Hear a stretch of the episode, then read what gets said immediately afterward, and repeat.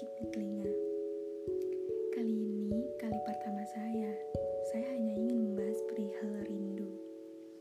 Ya, karena saya tidak bisa bertemu dengan manusia-manusia seru itu. Kami sudah hampir dua bulan tidak bertatap muka. Jelas ini membentuk rindu.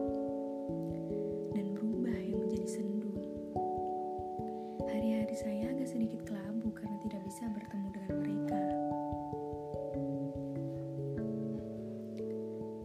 Sekarang saya terlihat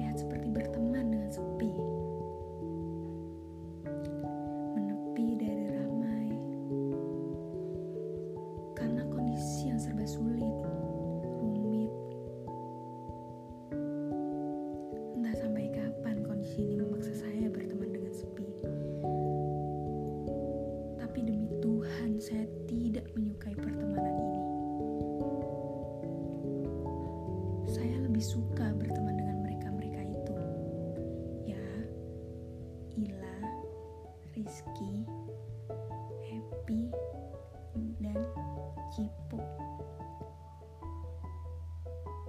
Saya rindu dengan mereka. Rindu ini semakin menikam, membungkam. Dada terasa sesak.